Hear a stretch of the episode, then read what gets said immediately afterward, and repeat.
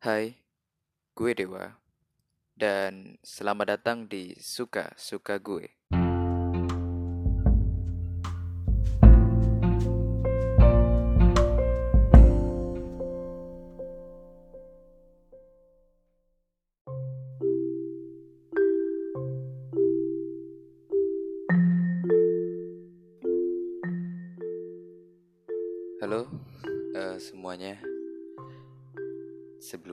Kasih kembali sudah menunggu untuk uh, updatean selanjutnya. Kali ini ada beberapa pengumuman yang ingin gue sampaikan tentang channel ini. Yang pertama, uh, gue udah mencoba menjadwalkan uploadan gue biar lebih jelas lagi. Akan gue posting di mungkin di bio Instagram. Bisa kalian kunjungi suka-suka gue underscore 100 untuk jadwal rilis kontennya setiap minggunya. Karena kali ini suka-suka gue sudah ada uh, tiga konten, tiga konten yang berbeda, yaitu main konten yang ini, gue cerita pengalaman gue atau atau pengalaman kalian. Lalu ada tanpa naskah yang barusan satu bulan yang lalu rilis dengan episode pertama yang gue membahas tentang tren sepeda di Indonesia. Lalu harusnya uh, sudah rilis yang namanya gue suka kol, aduh gue suka kolab, sorry.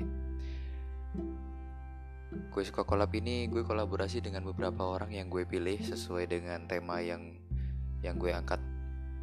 Niatnya kemarin uh, mau mengangkat tema tentang jurusan IPS yang ada di SMA. Namun uh, untuk proses editing dan sebagainya, gue adalah orang yang sangat-sangat awam dan baru mengenali program editing selain Anchor serta uh, program recording yang masih free sehingga cuma 40 menitan jadi akan ada dua part itu beberapa pengumuman yang ingin gue sampaikan. Dan langsung aja ke cerita yang ingin gue sampaikan kali ini. Masih tentang cerita gue sendiri. Yang kali ini gue beri judul ceroboh yang membawa petaka. Judul yang cukup mainstream sih. Sebelumnya gue pengen tanya dulu dong.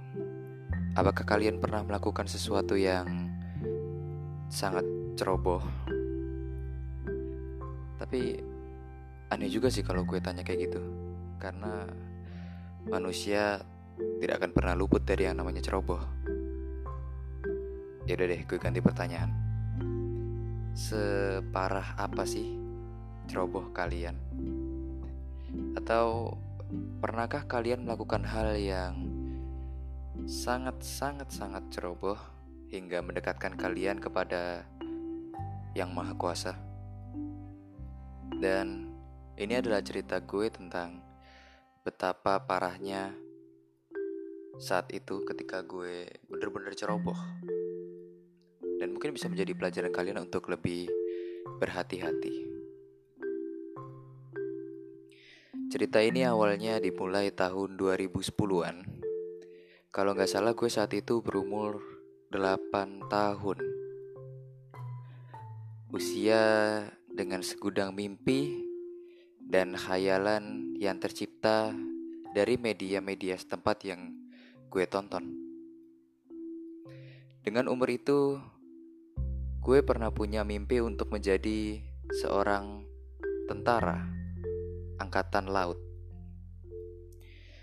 dan memotivasi gue untuk menguatkan uh, strength kekuatan tubuh dan lain sebagainya. Serta kadang-kadang gue juga berpikir untuk menambah skill-skill sesuai cita-cita itu. Movement yang gue lakukan saat itu cukup banyak. Mulai dari ikut kelas bela diri main basket untuk nambah tinggi badan meskipun skill gue nggak nggak dewa-dewa amat. Hingga belajar renang supaya beneran bisa jadi angkatan laut karena pasti butuh skill untuk berenang kan. Dan berenang memanglah olahraga yang kalau kita sadari cukup asyik dan sangat adiktif. Selain bisa menyegarkan tubuh karena bisa nyebur di kolam yang amat-amat besar. Olahraga ini juga membuat ketagihan karena setiap progres-progres yang kita lewati itu membutuhkan perjuangan yang ya tidak sedikit. Dan bahkan untuk mencapai satu target atau satu gaya dalam renang itu cukup lama. Dan gue kalau nggak salah membutuhkan uh, lima bulan untuk sekedar bisa berenang ala kadarnya. Gaya apa sih namanya? Gaya bebas gue belum bisa. Gaya apa? Penyu kura-kura katak kalau nggak salah namanya. Dan target itu pun gue buat tanpa perhitungan yang yang sematang atlet atau sebagainya enggak pokoknya sekedar gue bisa berenang gitu aja. Akhirnya setiap minggu gue punya niatan untuk latihan renang terus bareng bokap gue. Gue renang kecil-kecilan sambil digandeng bokap. Terus ya biar bisa ngambang tetap ngambang gitu. Jadi uh, renang nih gaya katak yang gerakan tangan sama kaki. Nah bokap gue pegang perut gue biar nggak biar nggak tenggelam gitu. Jadi tetap bisa ngambang tapi bisa menghafalkan gerakan untuk kayak katak tadi. Satu minggu, dua minggu, dan tak terasa satu setengah bulan, akhirnya gue disuruh bokap untuk nyoba trek lurus tanpa digandeng bokap. Gue nyoba dan ternyata berhasil dong. Dan gue senengnya bukan main bener-bener girang gitu kayak wah akhirnya gue nyampe satu target gaya katak. Ya meskipun ala kadarnya gitu. Pokoknya bisa ngambang bisa nyampe finish gitu aja. Dan karena target gue tersampai akhirnya gue semakin senang dan semakin ketagihan untuk berenang. Kalau kalian tahu gue dulu tinggal di desa dan di desa memang ada kolam renang yang uh, untuk bayar tiketnya tuh cukup murah. Dulu itu 5000 per orang itu sudah renang sepuasnya. Se semau jidat lu lah pokoknya renang. Sampai dingin sampai masuk angin terserah. Makanya kesempatan itu bener-bener gak gue sia-siain dulu saat itu tinggi gue sudah mencapai 145 cm Tinggi badan gue. Dan dengan tinggi itu gue merasa sangat bangga Karena gue bisa mencapai satu target gue untuk berenang trek lurus Tanpa digandeng bokap Dan dengan satu gaya yang yang pegel, bener pegel. Hingga suatu hari paman gue ngajak berenang di kolam renang yang ada di pusat kota yang lebih besar, lebih megah dan tiketnya juga agak mahal. Katanya airnya di situ lebih jernih, lebih dingin dan banyak persotannya. Dan gue sebagai anak kecil umur 8 tahun pasti ikut-ikut aja deh karena banyak persotannya. Sampai di situ gue akhirnya langsung nyebur ke kolam anak-anak. Yang kedalamannya kurang lebih satu meteran sih. Pokoknya gue bisa berdiri di kolam renang itu terus sepinggang gue lah air air di kolam renang itu. Masih bisa ngambang dan karena cuma satu meter rasanya kurang gitu kalau berenang dengan gaya yang gue pelajari kaki tuh mesti kepentok aja di dasar kolam renang gitu. Dan gak bisa apa istilahnya diving. Aduh istilahnya menyelam gitu. Akhirnya gue punya inisiatif untuk pindah dan nyari kolam renang yang sedikit lebih dalam. Dan akhirnya dengan tanpa izin dan semau gue aja, akhirnya gue berlari untuk mencari kolam renang yang berbeda. Um, Akhirnya dengan imajinasi anak kecil umur 8 tahun gue nemu kolam renang yang cukup sepi. Nggak ada yang nggak banyak yang renang di situ. Bukan nggak ada ya ada sih beberapa cuman nggak nggak serame kolam renang lain dan cukup luas kolam renangnya dan dengan imajinasi gue yang masih sangat liar gue itu membayangkan menjadi sosok superhero yang berlari sekuat tenaga, lalu terjun dari dari bangunan tinggi dan jatuh ke kolam air. Alhasil, gue berhasil meloncat dari dari apa ya? Dari tempat gue lari ke kolam renang itu. Bahkan sampai bisa berada di tengah kolam renang itu. Sehabis gue loncat dan nyebur ke kolam itu, Akhirnya gue mencoba berenang sampai dasar. Nyoba diving gitu kan. Wah udah mulai dalam kan kolam renangnya. Enak nih bisa buat nyelam lah. Megang-megang dasar kolam renang lah. Kan seru tuh. Karena kalau biasanya gue berenang emang Emang suka suka nyelam aja iseng-iseng Namun anehnya Kolam itu seperti Seperti beda gitu Kayak kolam itu tuh nggak ada dasarnya. Gue berenang, berenang terus, terus ke dasar. Semakin lama makin makin dalam, makin kerasa tekanannya di kuping. Itu kayak kok nggak ada nggak ada dasarnya ya. Akhirnya gue mulai panik tapi masih berusaha untuk untuk tetap mencari dasar kolam renang itu. Sampai akhirnya terlihat dasar kolam renang itu tuh ada tulisan yang cukup buram karena saat itu gue berenang tanpa menggunakan kacamata renang. Tulisannya tuh buram, buram banget. Lama-lama makin jelas, makin jelas, kelihatan deh bentuknya. Kasar-kasar dikit, mulai gue terjemahkan bentuk itu. Dan gue akhirnya baru nyadar kalau bentuk itu adalah tulisan yang menyerupai angka 2 dan M kecil di sebelahnya. Dalam hati gue akhirnya berbicara. Gila, kolam renang 2 meter. Seketika gue panik dan berusaha menuju ke permukaan sambil teriak sekuat tenaga. Namun apa daya, air yang cukup dalam itu akhirnya malah tertelan ke mulut dan membuat gue tersedak dan malah susah untuk menahan nafas. Makin lama di dalam air, makin berasa paru-paru gue udah kehilangan oksigen. Dan lama-lama pun akhirnya makin buram dan makin buram. Serta ada rasa pusing di kepala yang cukup terasa.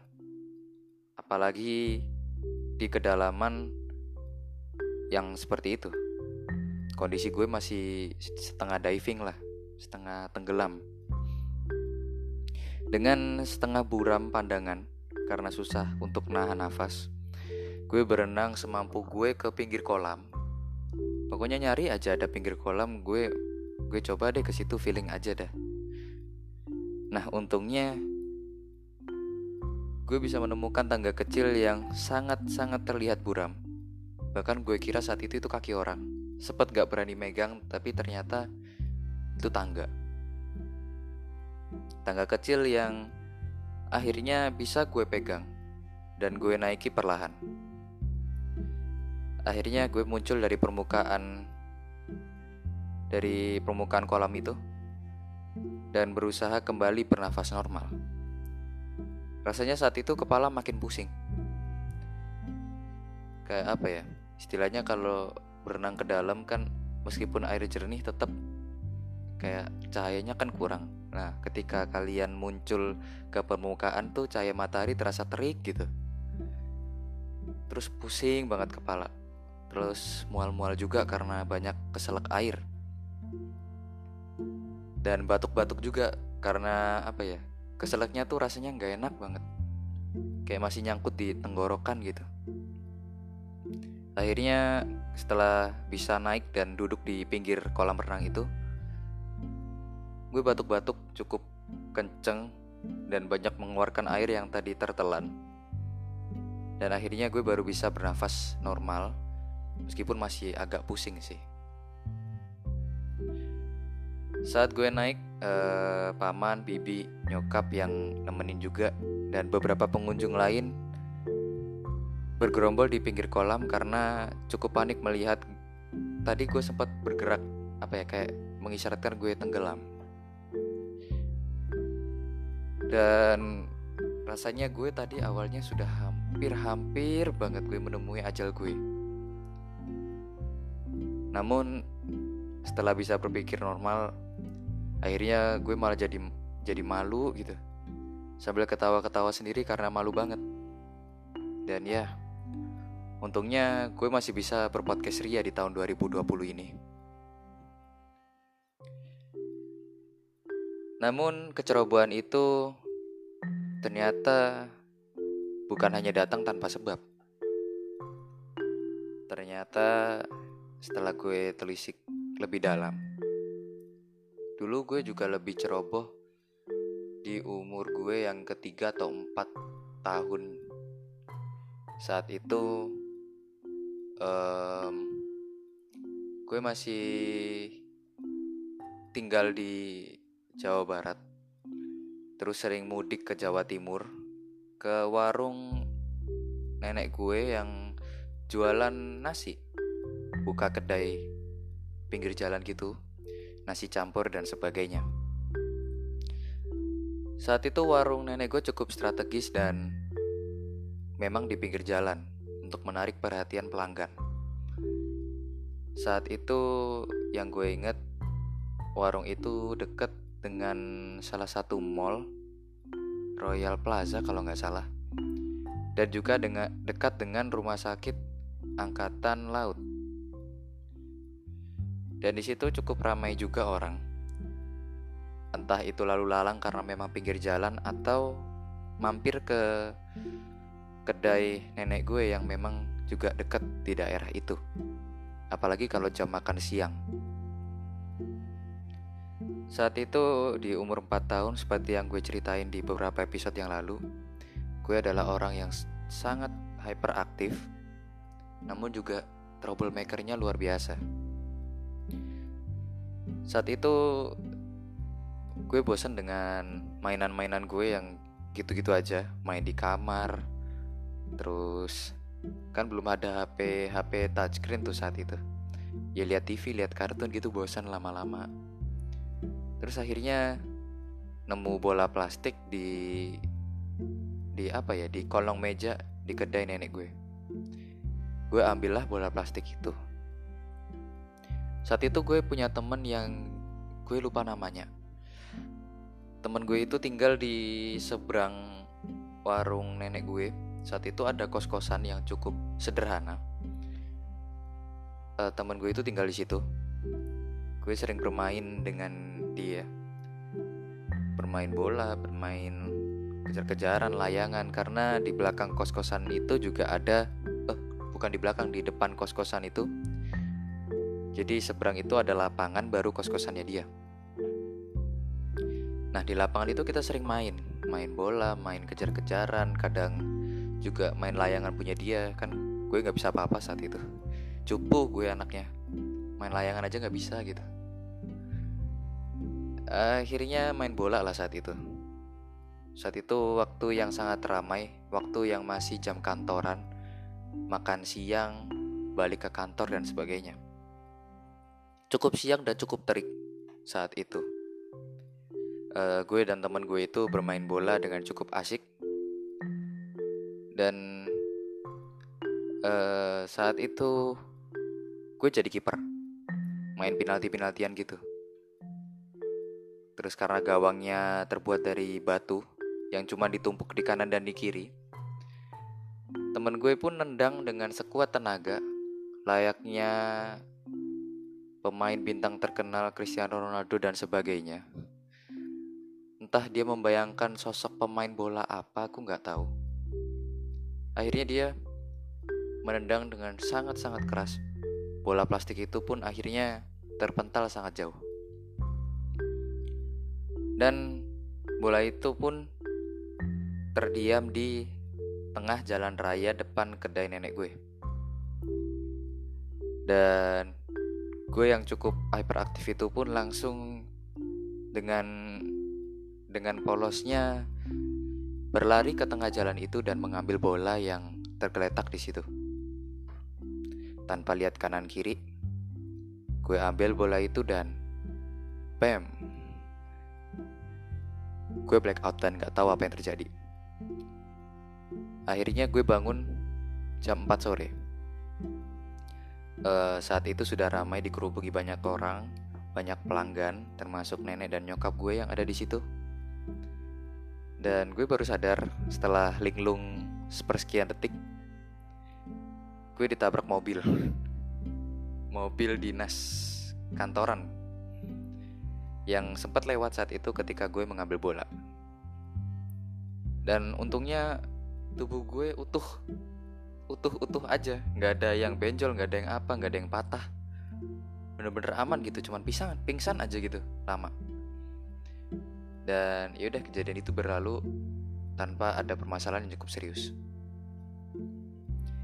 Keesokan harinya gue diadiain oleh pelanggan setia nenek gue anak eh, anak kuliah di universitas sekitar situ menghadiahi gue sebuah mainan mobil remote.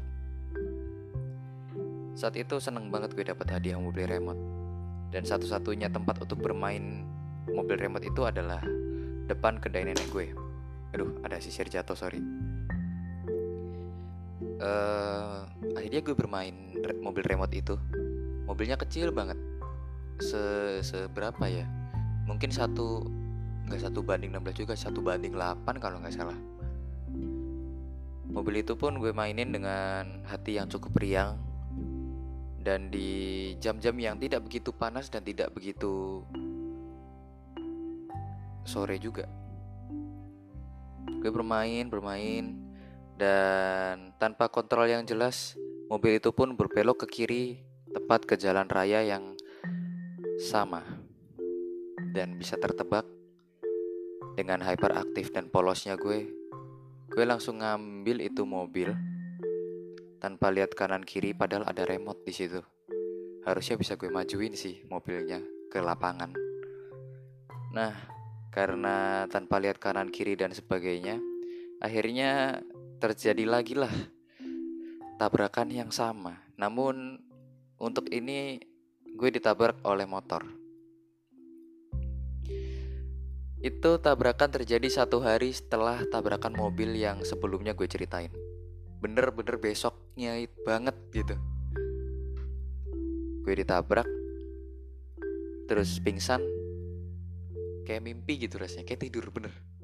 Kalau kalau kalian belum pernah merasakan pingsan, gue ceritain rasanya pingsan. Pingsan itu kayak apa ya?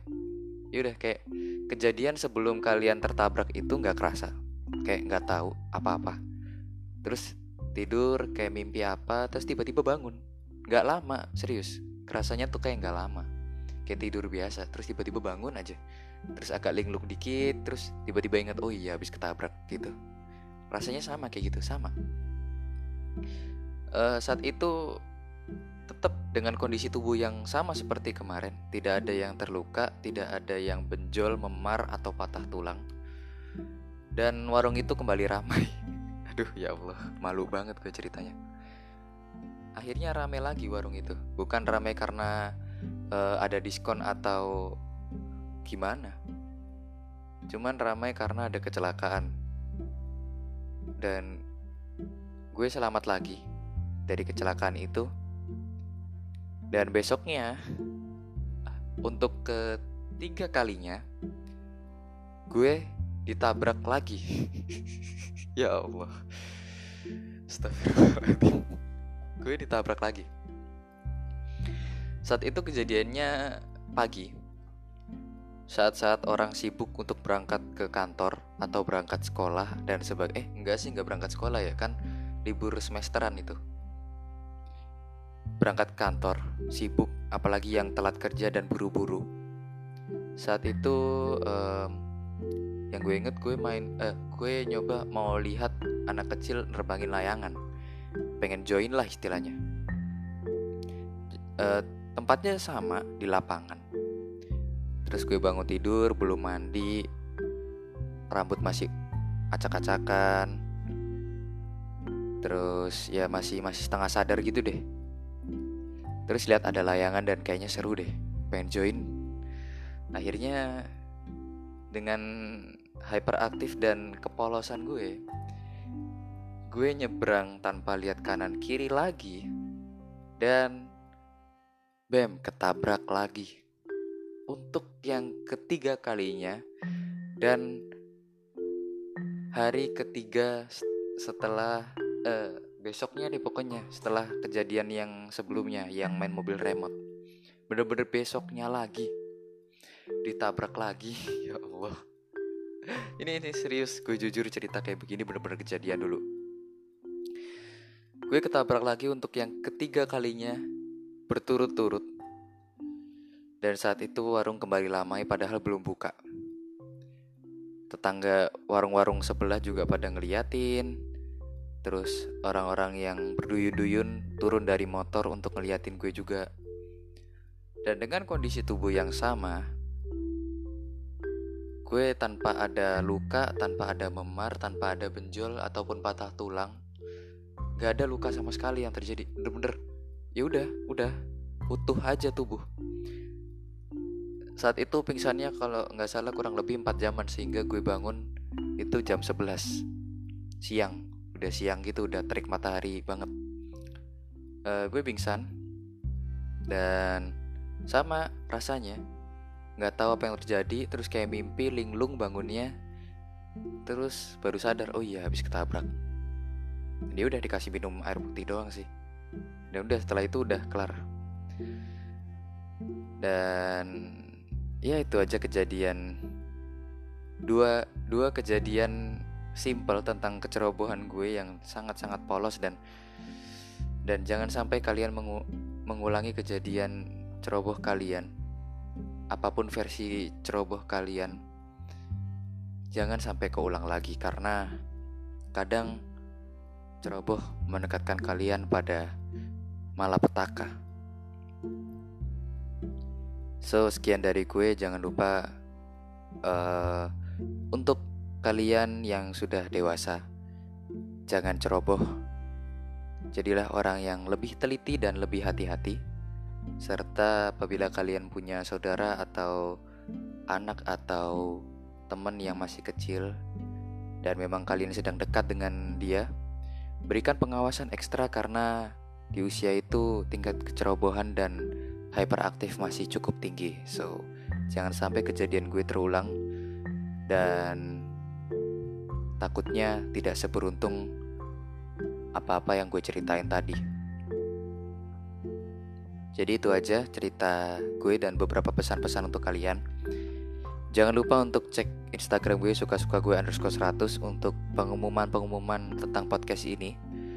Ataupun untuk kalian yang juga ingin share cerita yang ingin gue sampaikan di podcast ini. Bisa deh DM di situ. DM gue aja di suka-suka gue underscore 100. Tulisannya kecil semua. Di Instagram dengan logo yang sama dengan podcast ini.